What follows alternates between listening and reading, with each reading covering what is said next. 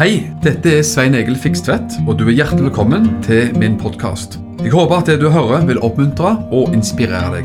Ønsker du mer informasjon om arbeidet i drivet, så kan du gå til mission-alliance.org. Gud velsigne deg. Vi skal, vi skal lese noen vers innledningsvis, og det er 1. Korinterbrev kapittel 3, vers 10-11.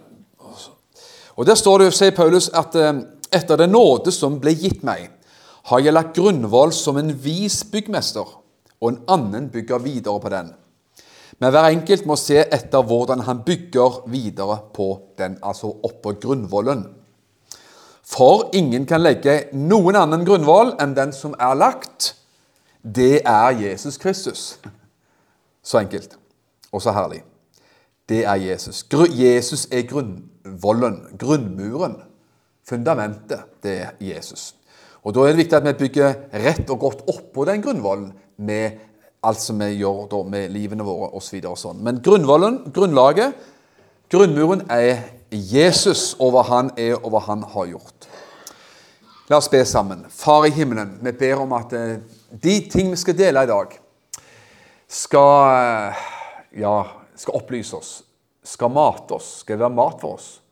Og Herre, som vi leser så fantastisk i, i Lukas 24, at det, som disse Emmaus-vandrerne sa, brant ikke vårt hjerte i oss når han talte til oss og utla Skriftene for oss. Og Jeg bare ber at det må være tilfellet for oss i dag. Hjelp meg, salve meg til å utlegge Skriftene sånn som jeg tror er rett her i dag. I Jesu navn jeg ber. Amen. Ingen kan legge noen annen grunnvoll enn den som er lagt, og det er Jesus Kristus. Titus 1,9. Der sier Paulus, eh, midt i en, midt i en sånn sammenheng, da, så jeg tar, hopper rett inn i bare ett vers, og da står det 'og som holder fast på det troverdige ordet', i samsvar med læren, for at han ved den sunne lære skal være i stand til å formane og overbevise dem som sier imot. Altså Her står det om det troverdige ordet i samsvar med læren, og så står det om den sunne lære. Så det er noe som heter sunn lære. Noen, hvis det er noe som heter sunn lære, så er det vel noe som heter usunn lære også, da. Hvis det er noe som heter sunn lære. Så vi vil forsøke det, vet du. Og Når jeg har kalt dette den store overskriften for denne høsten for troens grunnvoll, så handler jo det om nettopp grunnmuren vår tro er bygd på. Forskjellige viktige sannheter og elementer da, som, eh, som, troen vår bygges på, denne grunnmuren som vi snakker om. Og I dag spesielt da, så legger vi den viktigste liksom, grunnsteinen, og det er jo selvfølgelig forsoningsverket. Hva i all verden skulle det ellers være hvis det ikke var Jesu Kristi forsoningsverk? 1. Korinterbrev 5,7 sier Jeg kan ikke gå litt fort fram, for jeg siterer det jo da som jeg sier fra mine notater, og du rekker muligens ikke slå det opp. og du har meg tilgitt. Jeg skal gjennom så mye, men jeg skal passe klokka. Første kor 5-7. Der sier Paulus.: For sannelig, vårt påskelam er slaktet for oss, Kristus. La oss derfor holde høytid, ikke med gammel surdeig eller med surdeig av ondsinn eller ondskap, men med renhets- og sannhetsusyrede brød. Det er jo eh, litt sånn uttrykk der da, som, som kommer fra Gamle testamentet, og det skal vi også se på. Men Jesus han kalles for vårt påskelam. Og Det bringer oss jo egentlig inn i denne tanken som Bibelen har om ofring av lam, ofring av utspillelse av blod, ehm, for at vi skal eh, oppleve tilgivelse for vår synd og soning for vår synd. Så I dag skal vi snakke mye om dette som handler om den bibelske tanken om blod, blodsutgytelse, uh, ofring. At Gud må, noen må ofre noe for at synd skal bli tilgitt. Jeg siterer igjen et annet skriftsteder som jeg bare liksom uh, ruser på med noen skriftsteder, som du skjønner. 1. Korinterbrev 5, 15. 1. Korinterbrev 15, vers 1-6. Der oppsummerer Paulus hva evangeliet handler om. For det vi snakker om i dag, det er jo selve kjernen i evangeliet. Kjernen i vår tro. Og Da siterer Paul, eller ramser Paulus opp dette. Dessuten, brødre, kunngjør jeg for dere det evangelium jeg forkynte for dere, som dere også tok imot, og som dere står fast i. Ved dette blir dere også frelst hvis dere holder fast på det ord som jeg forkynte for dere, hvis dere da ikke forgjeves er kommet til tro. Og så sier han, for først av alt overga jeg til dere det som jeg også tok imot, at Kristus døde for våre synder etter Skriftene. At han ble begravet, og at han sto opp igjen på den tredje dag etter Skriftene. Det er evangeliet, selvfølgelig, i skikkelig kort form. Og så står det um, vers 5 at han ble sett av Kefas, det er jo samme person som Peter, og så av de tolv. Og Deretter ble han sett av mer enn 500 brødre på en gang. Av disse er de fleste fortsatt i live, men noen har sovnet inn. Så Paulus sier her at det der fins altså minst 250 mennesker. sa han. Jesus viste seg en gang for 500 mennesker sier etter sin oppstandelse. Og de fleste lever ennå, sier han. Noen har sovna inn, men de fleste lever ennå. Og hvis de fleste, så må det være over halvparten. Og så På den tiden så kunne du altså få tak i navn og adresse på mennesker som hadde sett Jesus med egne øyne etter hans oppstandelse.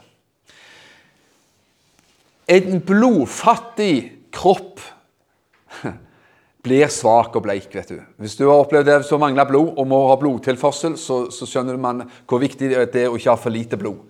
Jeg har lyst til å si det sånn Et blodfattig evangelium, et blodfattig budskap, blir svakt og bleikt og eh, hva skal vi si lite og lite å, å, å, å stå på. Men et et evangelium der forsoningen, Jesu forsoning står i sentrum, så er, så så er evangeliet fantastisk og veldig, veldig kraftfullt. 1. Peters brev 1,18 det er et, et, av mine favorittvers i Bibelen. Alle oss har, har jo en, et godt liksom, knippe med favorittvers. Dette er en av mine favorittvers. 1. Peters brev kapittel 1 vers 18-19. For dere vet at det ikke var med forgjengelige ting som sølv eller gull, dere ble frikjøpt fra det tomme livet dere arvet fra fedrene, men med det dyrebare Kristi blod, som av et lam uten lyte og uten flekk. Vi ble ikke kjøpt fri til frelse fra fortapelse med sølv eller gull, heller ikke med svette, heller ikke med selvstrev eller andre ting, men bare ved Jesu Kristi blod. Altså forsoningen, hva Jesus har kjøpt og betalt for oss. Nå er jo dette med å snakke en del, og det blir liksom mye preking om dette som jeg sa, blod i dag. Og vet at I vår tid har man, har man gjerne ikke så mye nær kontakt med det, sånn som man gjerne hadde før på gårder når man slakta dyr osv. Så sånn. Men, eh, men man kan aldri eh, bevege oss bort ifra dette budskapet om Jesu Kristi dyrebare blod. Det er bare så viktig. Bibelen er full av det. Og begynner man å klippe, Skulle man ta i saks og klippe det vekk, så er det ikke mye Bibel igjen etterpå. Det kan jeg si. Er det greit så langt? Jeg siterer, jeg leser mye for deg nå. Skriftsteder. Ordet taler for seg sjøl. Hvorfor er dette med blod og ofring så viktig? Og Det fins i dag liberale krefter som fnyser av det vi preker om i dag, og som avviser det, og som sier at det, det, det, er, det høres makabert ut, det vi preker om i dag. Men vi i så måte holder oss til Bibelen. Hebreerne 9, Hebreerbrevet 9,22 sier at etter loven, altså gammeltestamentlige loven, Moseloven, blir nesten alle ting renset med blod. Også i gamle pakt så blir ting renset med blod. Og uten hør dette, og uten blodsutgytelse blir det ingen tilgivelse. Så viktig er dette budskapet. Så er det viktig er det med Jesu blod at uten blodsutgytelse, at uten at noen ga livet sitt og ga blodet sitt, så fins det ingen tilgivelse for synd. Så hvis man i hele tatt vil tro på tilgivelse for synd og be om tilgivelse, så er det på grunnlag av én av som ga livet sitt, og som ga blodet sitt. Amen. Og det er viktig. Jeg skal ta deg med på en liten reise i dag. og håper ikke det blir avansert og krevende, men jeg skal ta det mer i sånn, som jeg sa, personlig fortellerform, som ikke henger seg opp og, og, blar for mye sånn i Bibelen. Men alt er fra Bibelen, og alt siteres mye fra Bibelen også. da. Fra tidenes morgen så har jeg lyst til å ta deg med til Edens hage. Faktisk, Når Adam og Eva ble skapt, Og vi skjønner jo det og vet jo det at de falt i synd. Gud sa at dere kan spise av alle frukter og alle trær fra hagen, unntatt ett tre. Treet til kunnskap om godt og ondt. Det skulle de ikke spise. Men så vet vi hva som skjedde. Slangen lurte Adam og Eva med sin list, og de spiste begge to til slutt. Og eh, Så ser vi hva som skjedde, og Bibelen sier Da skal vi eh, lese litt fra Bibelen. Første Mosebok 3,7. Da, når de hadde gjort dette, ble øynene deres åpnet på dem begge, og de skjønte at de var nakne. Og de flettet sammen fikenblad og dekket seg til nedentil, står det. Og Så beskriver Bibelen etterpå hvordan de gjemte seg. Bibelen beskriver her i kapittel 3, første Mosebok 3, hvordan Gud kom i hagen. Som han åpenbart pleide å gjøre for å være med dem. Men denne gangen var annerledes. Hvorfor? Jo, de hadde falt i synd. De dekka seg til med fikenblad. De gjemte seg når Gud kom, og Gud ropte, 'Adam, hvor er du?' sier Gud. Det er den første gangen vi kan finne at Gud måtte rope på folk og spørre, 'Hallo, hvor er dere hen? Har dere gjemt dere vekk et sted?' Nå snakker jeg litt sånn med, med egne ord, som du skjønner. Og så skjønner man hva som har skjedd, og vi kjenner jo historien ganske godt. Men så forteller Bibelen det i vers 21. At Gud han laga kjortler av skinn, står der, til Adam og Eva, og kledde dem i det. Altså Gud. Skinn vokser ikke på trær. Det er berk som vokser på trær. Skinn vokser på dyr. Så hvis Gud kledde Adam og Eva i kjortler, kledde de opp med skinn, så har jo Gud kommet med et offer. Da er det jo Gud sjøl som har slakta et dyr og latt blodet flyte og et liv gå tapt, for at deres liv ikke skulle gå tapt. Det er viktig å skjønne. Så allerede der i Bibelens første blader og kapitler så finner vi offertanken. At noen ga sitt liv for at Adam og Eva skulle få si, humpe videre med livet sitt en stykke tid til, faktisk. Sant? Og, Så ble det stengt ute av Edens hage, men de, Gud lagde kjortler av skinn og kledde de opp i det. Nå skal jeg slå fast en ting for deg her med en gang. Ut fra Edens hage. Gud er den første som kom opp med å forsørge en ofring til soning for menneskenes synd. Og det gjorde han faktisk i Edens hage for første gang. Det første offeret Gud kom opp med. Og sist, men dog ikke minst, Gud er den siste som kom opp, eller Gud er den som kom opp med det siste offeret for verdens synd. Og hvem er det? Jo, det er han som ble kalt for Se der er Guds lam.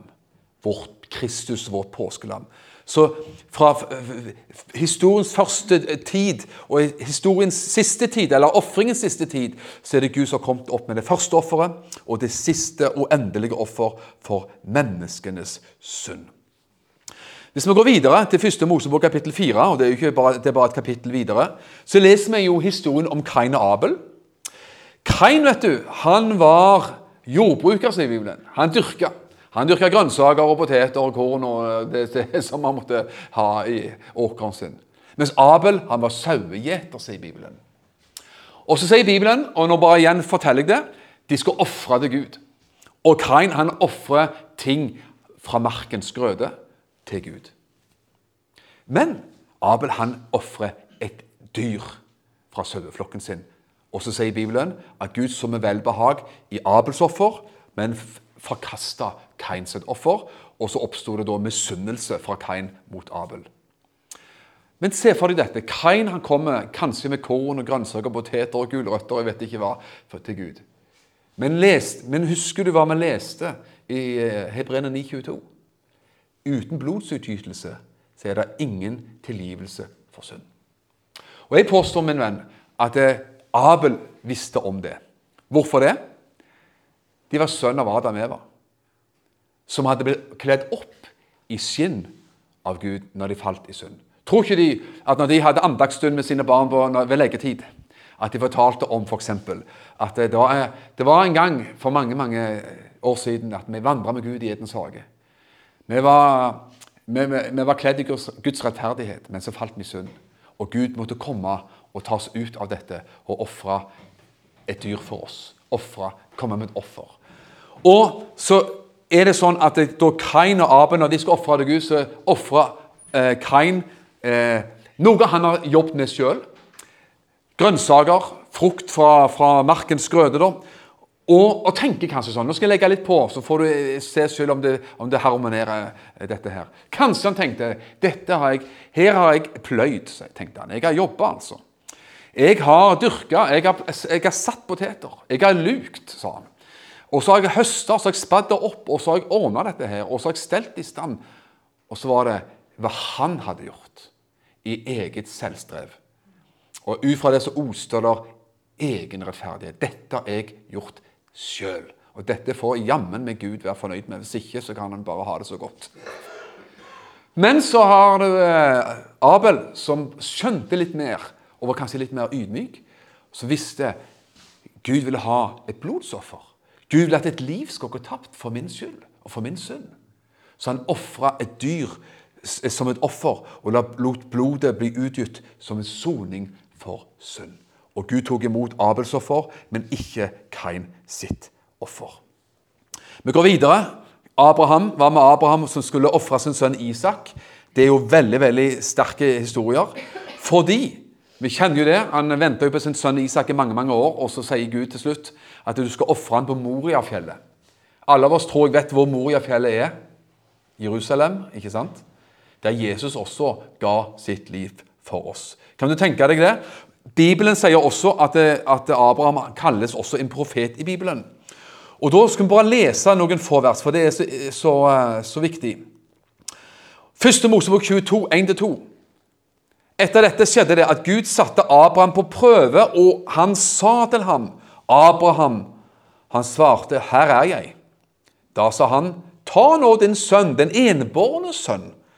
Interessant uttrykk. Den enbårne sønn, som du elsker, og dra til Morialandet. Der skal du bære ham fram som brenner for på et av fjellene jeg skal si deg. Og Så dro han da tre dager, og han dro altså til dette Morialandet, Moriafjellet, som er altså en del av der som er Jerusalem er i dag.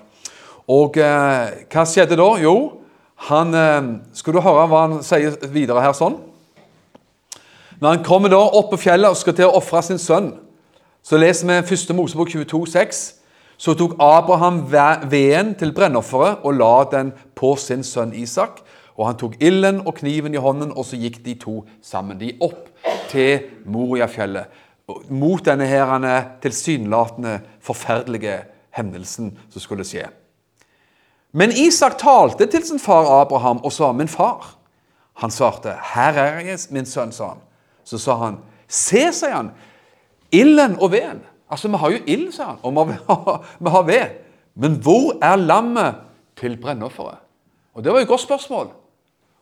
Og da visste han ikke helt. Hva, da, I Abrahams tanke så var det jo nesten sånn at er det min sønn som er offeret her nå? Eller har Gud en plan B? Har Gud en annen redning her i siste liten?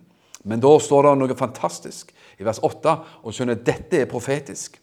Abraham svarte og sa, 'Min sønn, Gud vil utse for seg selv lammet til brennoffer', sa han.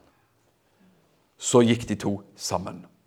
Og vet du hva Bibelen sier? Bibelen kaller faktisk Abraham i kapittel 20 for en profet, faktisk. Så sånn at han profeterte noe som skulle skje eh, et par tusen år fram i tid.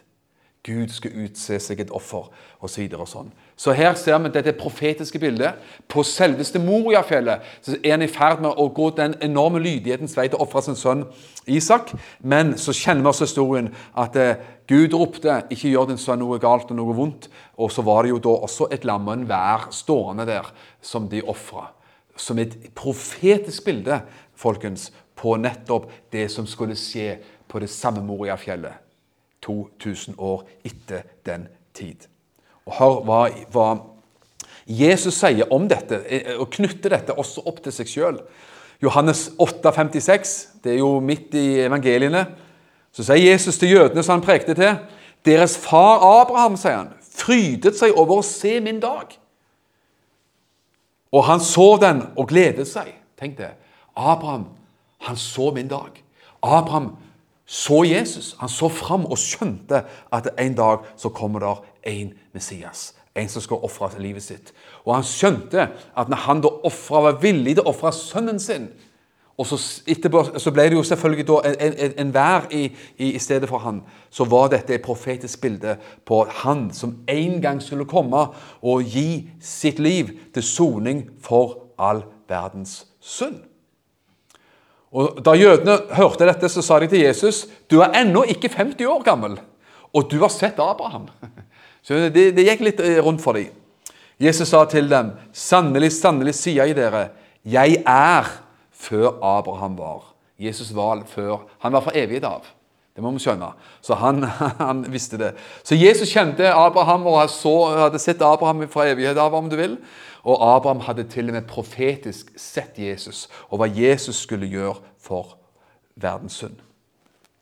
Og så har vi, Denne røde tråden i Bibelen går jo videre. Og Da kan vi også komme litt innom dette med Israels utfrielse fra Egypt. De hadde jo vært der i eh, slaveri i Egypt i over 400 år, og nå var tiden kommet for å bli utfridd. Og Da kjenner du jo det at Gud sa, etter alle disse plagene, og de snart skulle få dra, så sier eh, Gud at de skulle, hver familie skulle ta et lam. Slakte lammet, og skulle de stryke blodet på dørkarmen til inngangen til, til huset. Og så skulle domsengelen gå forbi. Og når domsengelen gikk forbi, så så han der er det blod der er det blod på dør, dør, dørkarmene dør, og, og, sånt. Og Så gikk han videre, og så slo domsengelen i hjel de førstefødte av Egypts sine sønner. Men hebreerne, Israels barn, de gikk fri. Og Da sier Gud, når han har forordna hvordan dette skal gjøres Igjen så var det et lam enhver familie skulle ta som soning. Så, og blodet skulle være til soning og til beskyttelse. Og Da har du igjen dette. I 2. Mosebok 12, vers 3, så står det det. Vil si vers 13 og 23, da, eh, for å ta historien kort. Så sier Gud noe utrolig viktig. Blodet, Når Gud forordner dette, her, så sier han blodet skal være et tegn for dere på husene der dere er. Når jeg ser blodet, skal jeg gå forbi dere. Det er fantastisk, for påske du vet hva det betyr forbigang. Halleluja. Forbigang. At Guds dom går forbi. Vreden går forbi. Når jeg ser blodet Hva har det å si for oss? All verdens mye. For vi må skjønne hvordan Gud har forordna forsoningen gjennom hele historien. Og dette peker alt sammen. Alle disse hendelsene jeg preker om her i dag, peker jo på dette her store som skjedde for 2000 år siden. Nemlig når Jesus ga sitt liv for oss. Når jeg ser blodet, skal jeg gå forbi dere. Og Det bringer oss Nå har vi tatt litt røffelig noen sånne, litt sånn rød tråd og noen hendelser da, i Gamletestamentet. Og Det tar oss selvfølgelig nå et langt sprang fram til Jesus. Han som ble det siste offeret. Gud som ordna det første offeret i Edens hage for Adam og Eva. Også vår Gud, han er den som kommer med det endelige lammet. Og Gjennom alle disse hundrevis av år, tusenvis av år, så hadde man altså ofra for å gjøre soning for synd. Men nå er det som Gud sier noe helt nytt, eller gjør noe helt nytt. Og, og det er jo nettopp det han gjør også. Og Her står det at eh, når døperen Johannes han peker på Jesus Han var også profet, døperen Johannes. Og Du kjenner disse vers, kjente versene i Johannes 1, 29 og 36. Da han peker på Jesus og sier, 'Se der er Guds lam, som bærer verdens synd'. Og det synes Jeg tenke, jeg liker å tenke på den tanken. For fram til nå så hadde enhver mann i sin husstand han, had, han skulle komme opp med et lam ikke sant? en gang i året for å ofre til soning. Så da var det jo mange lam da, til den mannen, til den mannen, til den familien. Så er det som han, om døperen Johannes sier, se der er lammet til Gud, sier han. Det er ikke lammet til, til den og den jødiske familiefaren her og der. Men her er lammet til Gud. Her kommer Gud med et lam. Ja, i all verden, Hva i all verden betyr det? Trenger Gud et eget lam da? Ofre? Har Gud gjort synd, så han trenger å ofre et lam for sin synd, sånn som enhver jødisk familie måtte? Nei. Se, der er Guds lam, Så han har forsørga og tilveiebrakt for verdens synd. Han, han, ga det for, for vår synd og vår skyld. Se, der er Guds lam som bærer verdens synd. Hebreerbrevet kapittel 10, vers 4 sier og Det er viktig å skjønne denne tankegangen her, når vi nå tar steget inn fra Gamletestamentet som har vært i, og over til det nye pakt og Nytestamentet. Hebreerne 10,4 sier For det er ikke mulig at blodet av okser og bukker kan ta bort synder. Så det var bare foreløpig. Og Jeg liker å si det på den måten da, at det, det blodet, all det blodet og alle, all de, alle de dyr og alle de lam som ble ofra i den gamle pakt, det var blod som gikk ut på dato etter ett år. Alle av oss vet hva det vil si når noe går ut på dato. Maten går ut på dato. Melk og kjøtt går ut på dato. Da skal du helst ikke bruke det etter en stund. altså. Da blir det dårlig.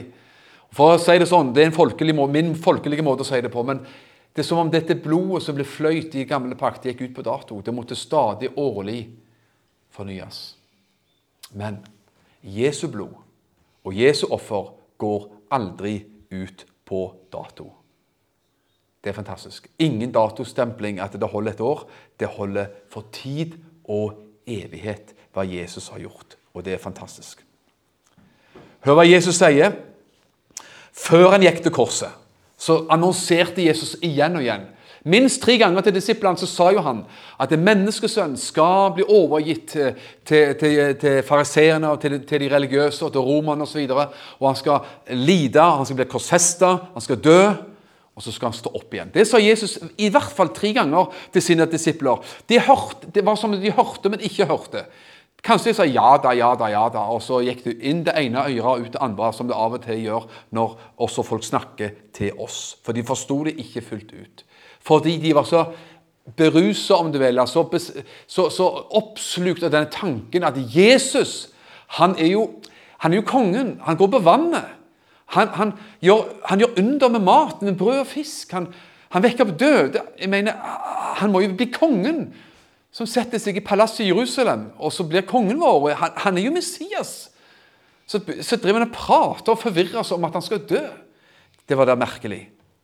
Men så sier Jesus det igjen og igjen. Og så sier han det så fantastisk i Matteus 20, vers 28. Slik som menneskesønnen ikke kom for å la seg tjene, men for selv å tjene, og for å gi sitt liv som løsepenge for mange. Tenk det. Han ga livet sitt, ikke sølv eller gull, men han ga sitt eget liv og sitt eget blod som en løsepenge for mange. Jeg husker for mange år siden, det var jo på, på nyhetene for en del år siden alle sånne piratene ut forbi Afrikas Horn, ut forbi Eritrea, Somalia, og, og, og folk som ble eh, de, de fikk jo de tok svære tankskip og de tok eh, folk til å kidnappe mennesker og krevde løsepenger osv. Husker jeg så et sånn ganske hjerteskjærende innslag med et britisk ektepar for mange år siden. Der de eh, var på seiltur, sikkert jordomseiling, ble tatt av pirater. Og nå krevde disse piratene voldsomme summer av den britiske staten. Disse menneskene holder vi fanga, disse skal vi drepe hvis vi ikke får kolossale penge, pengesummer. Og Det viste de på TV, for de trygla bare for sitt liv. De gråt, de var livredde, de trygla bare for sitt liv. Og har ikke peiling hvordan det gikk. Uh, kanskje like greit hvis det gikk galt. Men jeg har tenkt på det bildet. At de ba om løsepenger. Kan noen kjøpe oss fri? De appellerte til den britiske statsministeren. Kan noen komme, oss, eh, komme opp med penger på bordet, så vi kan bli kjøpt fri? Og jeg synes at Det er et godt bilde på hva Jesus gjorde. Han ga livet sitt for at vi skulle bli kjøpt fri. Han ga livet sitt som en løsepenge. Vi var kidnappa av synden og Satan og, og forbannelsen. Men Jesus kom og var selveste løsepengen med sitt liv og med sitt blod. Og var det for oss. Det er fantastisk. Det er forsoningen. Det er kraften i Jesu blod. Og det er utrolig viktig at man skjønner det. Og Derfor så var det jo den nylige sang da. Eh, det var en som var villig til å dø i mitt sted. Det er fantastisk. Lukas 22, vers 7. Nå, nå kryper vi liksom nærmere og nærmere hva skal vi si, Jesus og hva han gjorde på korset her. sånn. Og da er det jo sånn, I Lukas 22 og utover der så innstifter Jesus nattverden. Først har de påskemåltidet. Han sitter der på en sal med disiplene sine, og de spiser påskelammet sammen. Påskelammet da, som hadde, som hadde eksistert som en forordning i 1400 år. Som begynte da med utgangen fra Egypt, og som, som man feirte hver eneste år påskelammet og spiste det til min, påminnelse om utfrielsen fra Egypt. Og så er Jesus der og gjør akkurat det med disiplene sine, naturligvis. Og så midt, eller ved avslutningen av dette måltidet så gjør Jesus noe fantastisk. For da har de spist påskelammet og, og, og med alt det som hører med. Så kommer Jesus, og så har han et beger med vin, og så er det brød på bordet. Og så løfter Jesus dette opp, og så sier han at eh, eh, så forråder han noe nytt, og så sier han at dette er den nye pakt i mitt blod. Dette er mitt legeme som er brutt for dere, som utgytes og blir gitt for dere. Og så viser han også begeret og sier dette er den nye pakten i mitt blod. Og da har jeg lyst til å bare være med, Skal du være med på Sven Egils enkle fantasi her nå, da? Det, er jo, det, det får du like eller ikke like. Men det er som om, hvis jeg skal legge litt imellom her nå, så er det som om Jesus sier at fram til nå, folkens, så har vi feiret påskelammet til utfrielse fra Egypt. Og, med all ærbødighet og med all respekt for det. Men så, så, så, er det som om han sier at det, fra nå av, mine venner, sier han, så er det jeg som er det egentlige påskelammet. Så holder han opp brød. Dette representerer mitt legeme. Så holder han opp vinen og sier dette representerer mitt blod. Og dette er den nye pakt i mitt blod. Så han lanserer en ny pakt. En helt ny pakt. Og den er ikke basert på et offerlam en gang i året, men han var selve Guds lam som bærer verdens synd. Og det er jo fantastisk. Og han sier dette beger er den nye pakten i mitt blod. 1. Korinther 5,7. Jeg tror vi leste det også tidligere. og Der står det vårt påskelam er slaktet. Det er jo Paulus som sier dette mange år etterpå. Så sier han vårt påskelam er slaktet for oss, Kristus. Kan du se det? Alle de forrige lam, alle de forrige uh, tidligere forordninger av ofring peker fram mot hva Jesus gjorde for oss. Og Det er derfor det er viktig at vi skjønner hvor sterkt dette står i, eh, i, i Bibelen.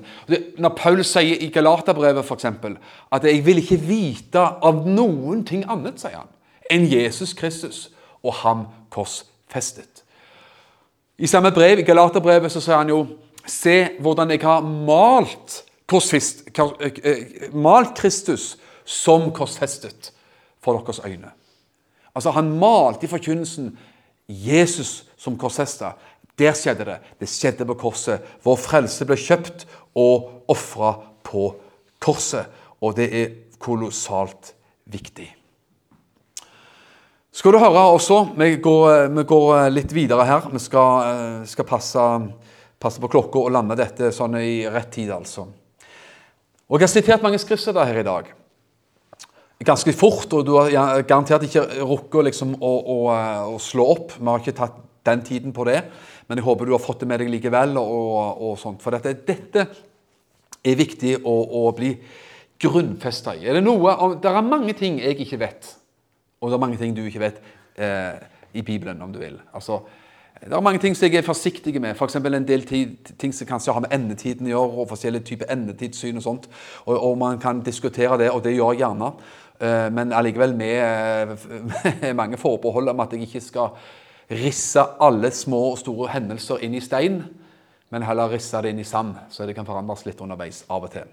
Men disse tingene her er, står, står, støtt. Og det er rissa inn i stein, hvis du skjønner mitt billedspråk. Hør her.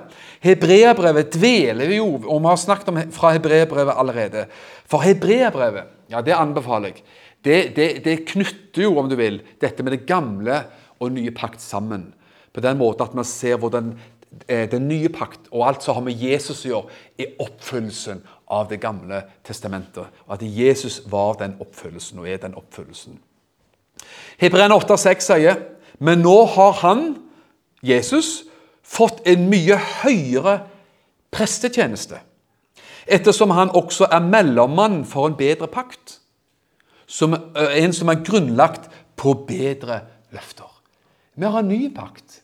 Ikke en gammel pakt, ikke lovens pakt, ikke, ikke Sinai-pakten, men vi har en Golgata-pakt. Takk og lov. Han er mellommann for en bedre pakt, som er grunnlagt på bedre løfter. Hebreerne 9,12 sier Hebreerne 9,12 Det er fantastisk hva Jesus gjorde. Ikke med blod av bukker og kalver, sånn som han gjorde i det gamle pakt, men med sitt eget blod. Oi, oi, oi.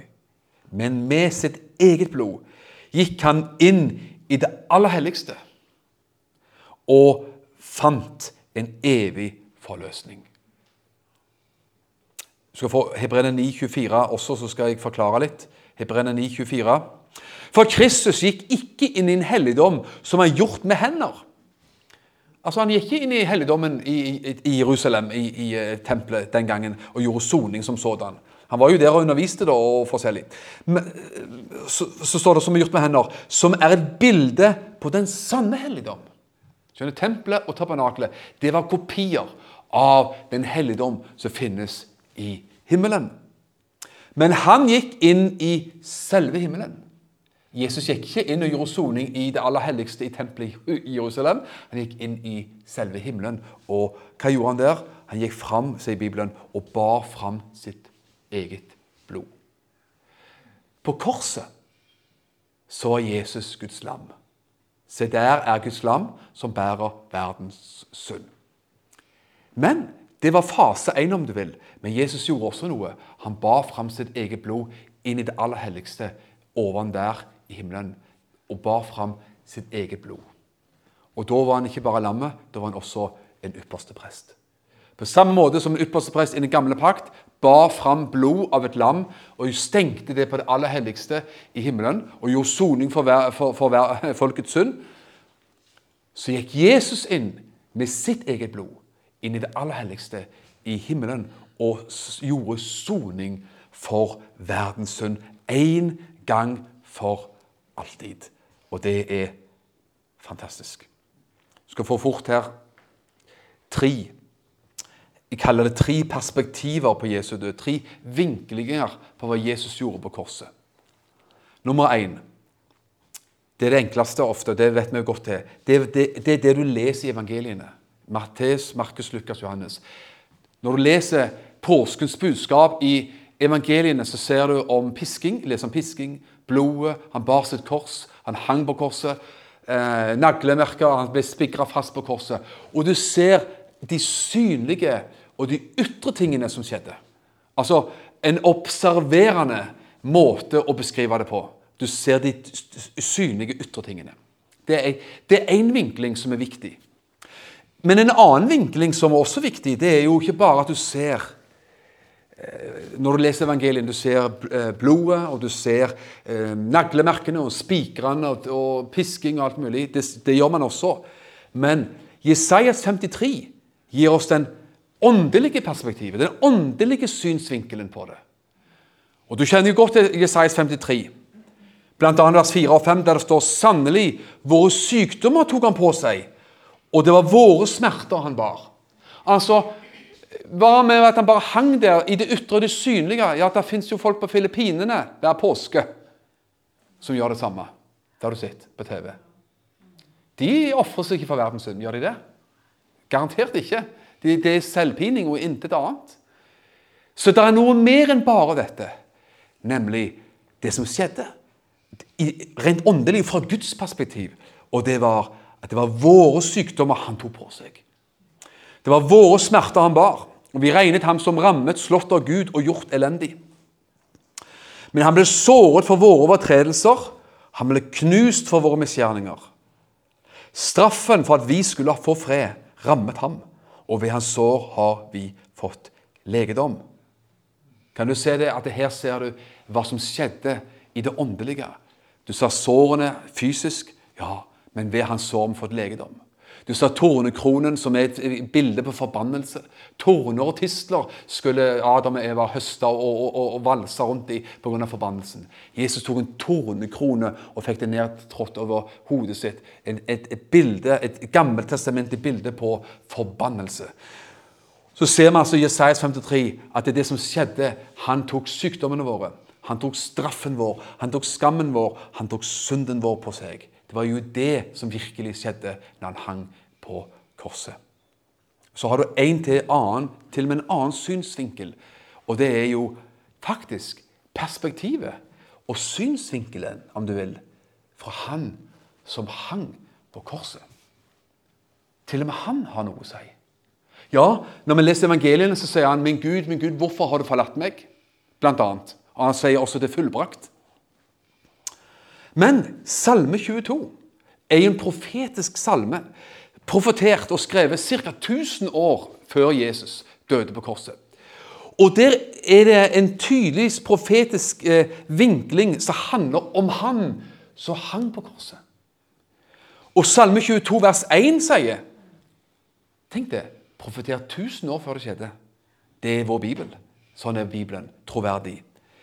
Men Gud, min Gud, hvorfor har du forlatt meg? Tenk at det begynner der. Og så skjønner vi jo det at det var akkurat det Jesus også ropte ut tusen år etterpå. Vers 7. Fra vinkelen til han som da hang på korset. Men jeg er en mark og ikke et menneske.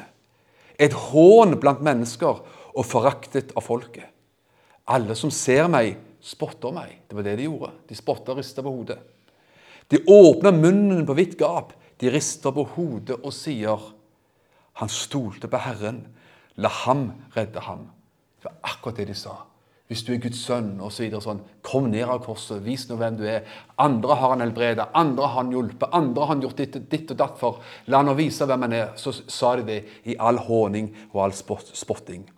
Han stolte på Herren, la ham redde ham, la ham utfri ham, siden han har behag i ham. Vers 17 sier i Salme 22.: Det er gjennomboret mine hender og mine føtter. Vers 19.: De deler mine klær mellom seg, og om en kjortel kaster de lodd. Her står det om jeg, jeg-budskap. Det var han som hang på korset, som, som dette beskriver. Hvordan han så det, og hvordan han opplevde det hele. Jeg skal få to vers til slutt, så skal vi ikke si mer. Det er to ting som er så fantastisk, to vers som jeg liker som handler om forsoning. Når man leser om liksom dette offeret, blodet, hva han gjorde på korset, i, i, i, liksom i, ganske full fart, egentlig. Men da er det et vers som jeg elsker sånn, som jeg, som jeg Fordi Gud elsker forsoning. Vi elsker forsoning. Hvis mennesker vet du, land eller statsledere har liksom forsona seg og gjort fredsavtaler ditt og datt, så er man kvalifisert på et øyeblikk til å få Nobels fredspris. Noen får han, og noen får han ikke. Men hør hva Jesajas 1,18 sier. Det er Gud som sier til folket. Kom nå, sier han. La oss gå i rette med hverandre. En annen oversettelse sier la oss gjøre opp vår sak. Det er Guds hjertelag. Det er det Gud vil for hvert menneske. Kom, la oss gjøre opp vår sak, sier Herren. Om deres synder er som skarlagen, skal de bli hvite som sne. Om de er røde som purpur, skal de bli hvite som ull. Det vil være Gud ønsker. Og det er, det er, få ord som er så vakre og sterke i Bibelen som ordet, det enkle ordet 'kom'. Kom. Siste bladene i Bibelen så sier 'kom', sier Gud. Den som vil, kan komme og få livets vann for intet. Det, jeg, tipper at det er Guds favorittord. Kom. 2. Korinterbrev 5,20 så står vi da i en sendetjeneste. Det er deg og meg, det. Så står vi da i en sendetjeneste på Kristi vegne. Som om Gud selv inderlig formaner oss. Altså Gud formaner og roper ut i oss og gjennom oss til andre mennesker. Og, han sier, og, og Gud sier gjennom oss, og vi sier, vi ber på Kristi vegne. La dere forlike med Gud. Eller la dere forsone med Gud. Sånn at Det er budskapet. Det er det som er pulsen i det vi holder på med. Vi vil så gjerne at mennesker skal bli forsont med Gud og bli forlikt med Gud. At Gud sier 'Kom, la oss gjøre opp vår sak med hverandre'. Og det er det forsoningen handler om. Men vet du hva? Alt handler om grunnlaget om Jesu blod. Forsoningen korsets budskap som må alltid stå høyt i kurs i, i vår liv og i vår forkynnelse. Det er grunnvollen som vi leste innledningsvis. Ingen kan legge noen annen grunnvoll enn den som er lagt. Det er Kristus Jesus. Amen. La oss be sammen. Herre, vi ber om at de ord som vi har delt her i dag, og som vi vet ut fra Bibelen, er det mest sentrale av det sentrale, Herre. Så ber jeg i Jesu Kristi dyrebare navn at dette kan vi få lov til å si er grunnlaget for vår tro. Dette er grunnvollen vi står på. Dette er grunnmuren hos oss. Og ber her at når vi står på den grunnmuren her, så står vi støtt og godt. Jeg takker deg for det i Herren Jesu Kristi dyrebare navn. Takk at vi får, Ved dette bygger vi ikke vårt liv på sand, men vi bygger det på fjell. Så når stormene kommer, og vinden blåser, og regnet skyller, så står vi støtt fordi det er ikke vi som er grunnvollen, men det er du som er grunnvollen. Og bare ber her at vi skal være trygge på det, at det vår frelse hviler ikke bare hva vi gjorde av gode ting eller ikke gode ting, av seirer eller nederlag. Men Herre, vi får lov til å tro på korsets budskap. På den måten klamre oss til korset, omfavne korsets budskap og se at det er grunnlaget for alt. Man kan få lov til, som en kjent predikant sa, Charles Spurgeon sa, mens teologi oppsummeres i fire ord, sa han. Jesus døde for meg. Så enkel kan vår teologi være. At Jesus døde for meg. Takk for at du har lytta til denne podkasten. Jeg ønsker deg en velsigna god dag.